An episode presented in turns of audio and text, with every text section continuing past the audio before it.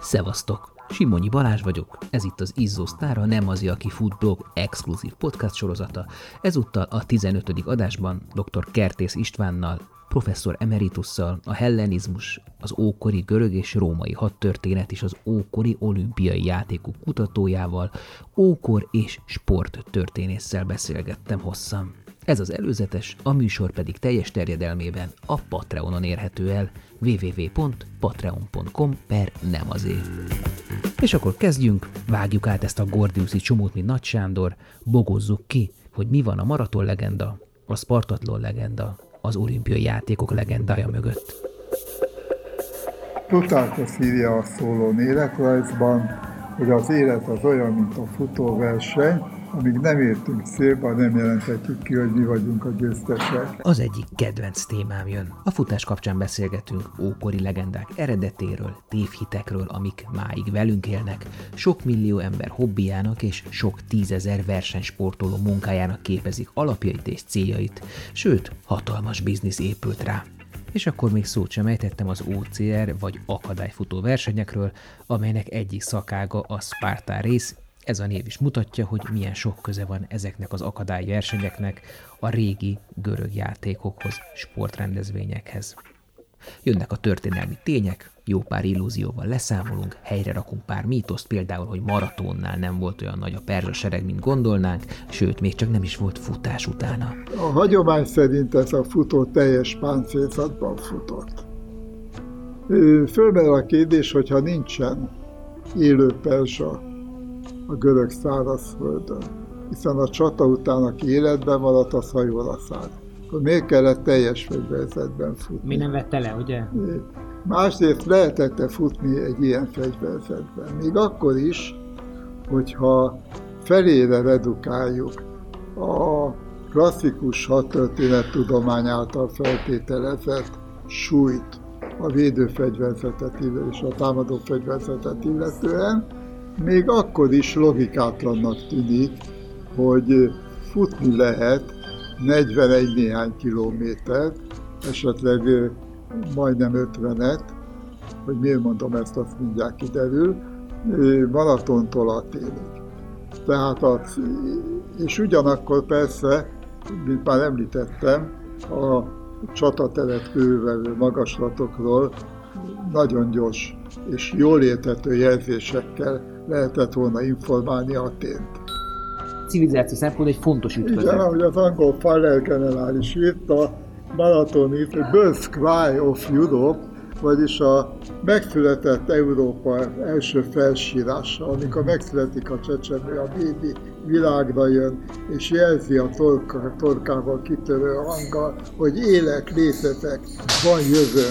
Na ezt jelentette Európa számára a maratoni csata, de nem az ókori Európa, hanem a modern Európa számára, amely jelképet faragott belőle, és amely jelkép végül hozzájárult ahhoz, hogy a modern atlétikába is bevezették a maratoni futást, mint versenyszámot. Amikor meghirdették a maratonfutást, mint az 1896-os első aténi olimpiai játékoknak az egyik versenyszámát, azt úgy hirdették meg az olimpiai bültenben, hogy maratonfutás maratontól Aténig 48 km felett. Felett? Így volt? Felett, igen. De nem volt meg, hogy mennyi.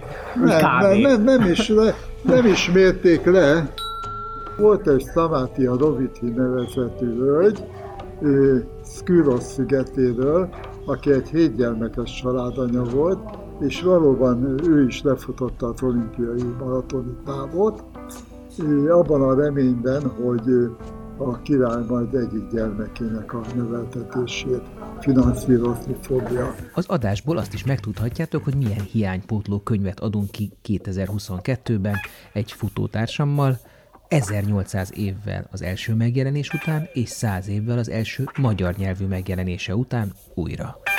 Ezeket nevezzük mi olimpiai játékoknak, ezeket a helyszíneket, amik négy évente rotálódtak, vagy mit nevezünk pontosan olimpiai játékoknak? Ami olimpiában, ami helyileg olimpiában zajlott le, négy évenként minden egyes alkalommal a nyári napi egyenlőséget követő második holdtörte.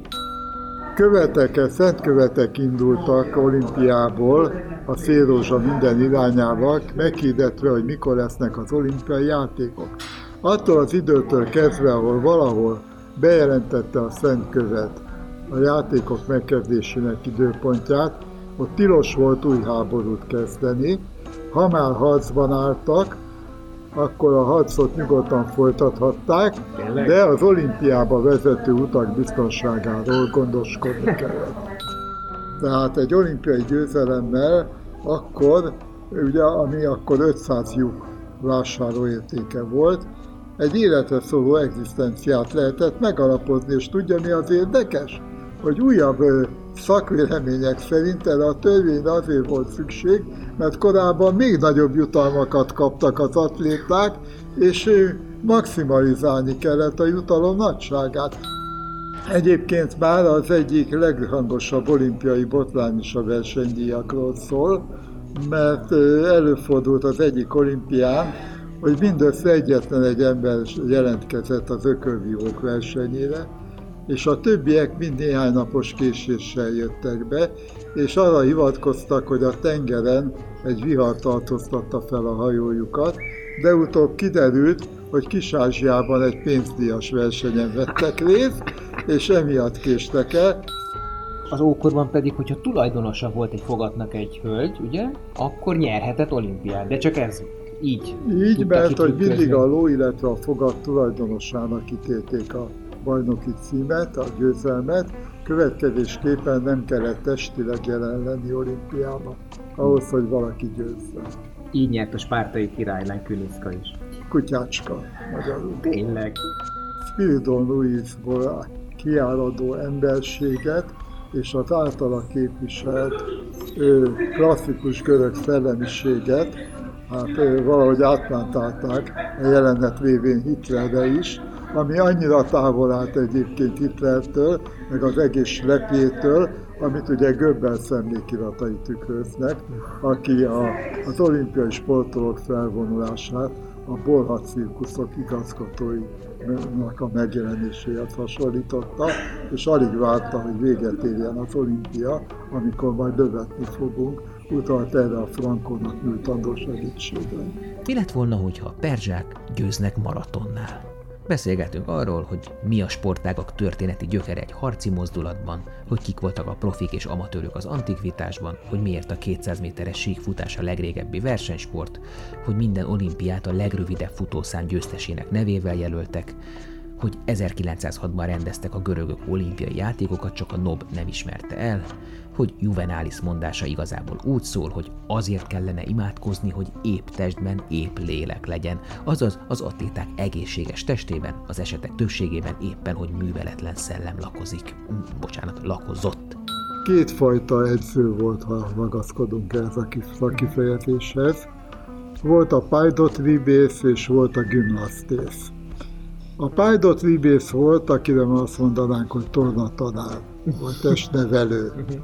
Aki tehát a különböző testgyakorlatokba, fizikai előfejlesztésekbe ő bevezette a gyerekeket, és akinek a tiszte volt felfedezni azt, hogy kinek milyen a testalkata, milyen sporták későbbi művelésére lehetett alka, lesz majd alkalmas. És ha már a testnevelésnél tartunk, és a testedzésnél, akkor megragadom az alkalmat, hogy kicsit belengessem, hogy 2022-ben Alcser Norbert könyvkiadóval és futótársammal újra kiadjuk Philostratos Gimnasztikus című művét, ami időszámításunk szerint 220-ban, tehát közel 2000 éve keletkezett, és az antik sporttörténet becses forrása az edzősködésről, versengésről, és az azóta is sok edzésmódszert meghatározó tetrászról, tehát a négy napos edzés sorozatról, edzésterhelésről.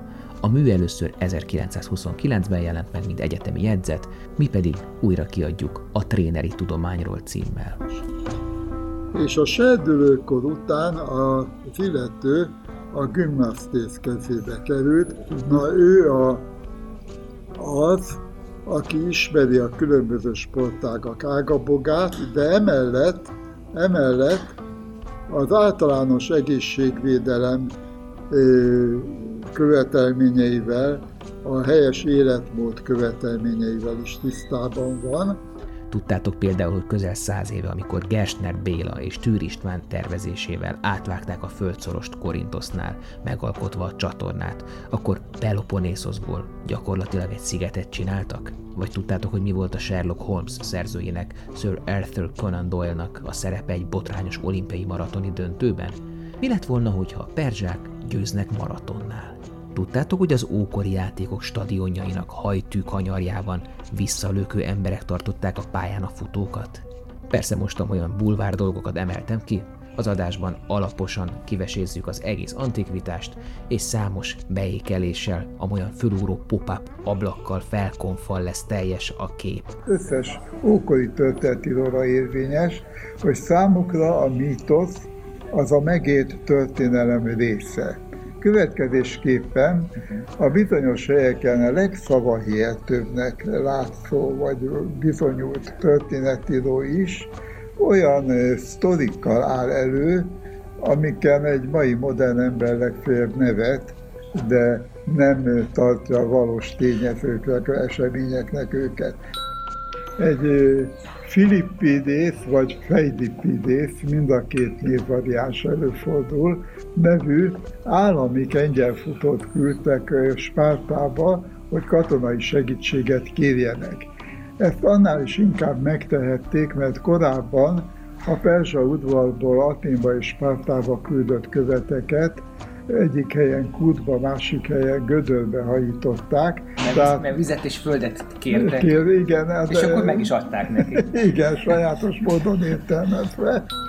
A termékenységi kultusz magához öleli idővel a halotti kultuszt is. És mind a két kultusz velejárója a kultikus cselekmények tekintetében a mozgás. Ősi hagyomány szerint tavasszal az ivarérett fiúk és lányok számára szent futást szerveztek, a lányok Dimétér, a fiúk pedig Zeus oltáráig futottak, és utána a két futógyőztes tiszteletére Nászi ágyat állítottak fel, és ők Hieroszkámoszban, Szent Nászban egyesültek. Megérte megnyerni a versenyt. Messzelenül futottak. Nem volt rajtuk rajtszám.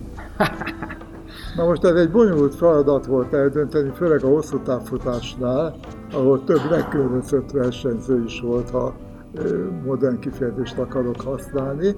Tehát csak a győztes személyét kellett megjelölni, mert a senkit nem érdekelt, hogy ki volt második, harmadik, vagy akár A görögök úgy védték, és ez több ókori, félig legendás történet is alátámasztja, hogy az a legszerencsésebb ember, aki élete legboldogabb pillanatában meghal. Ez volt az előzetes, a teljes beszélgetés a Patreonon érhető el. Érdekel ez az adás? A jövőbeliek? Az eddigi nagy interjúk? Vagy a többi tematikus podcastom? Például a lazatizes, a büntetőkör vagy éppen a versenyközpont, akkor szájba a finanszírozásba, legyél támogatója a tíz éve fennálló Nem az aki futblog és podcast működésének, és férj hozzá további extra tartalmakhoz is, írott, vizuális vagy éppen hangi formában, amik a futás vonzás körzetében levő izgalmas és értékes alakokról, témákról készülnek. Iratkozz fel a csatornára a Facebookon és a streaming platformokon www.patreon.com per nem azért. Thank you.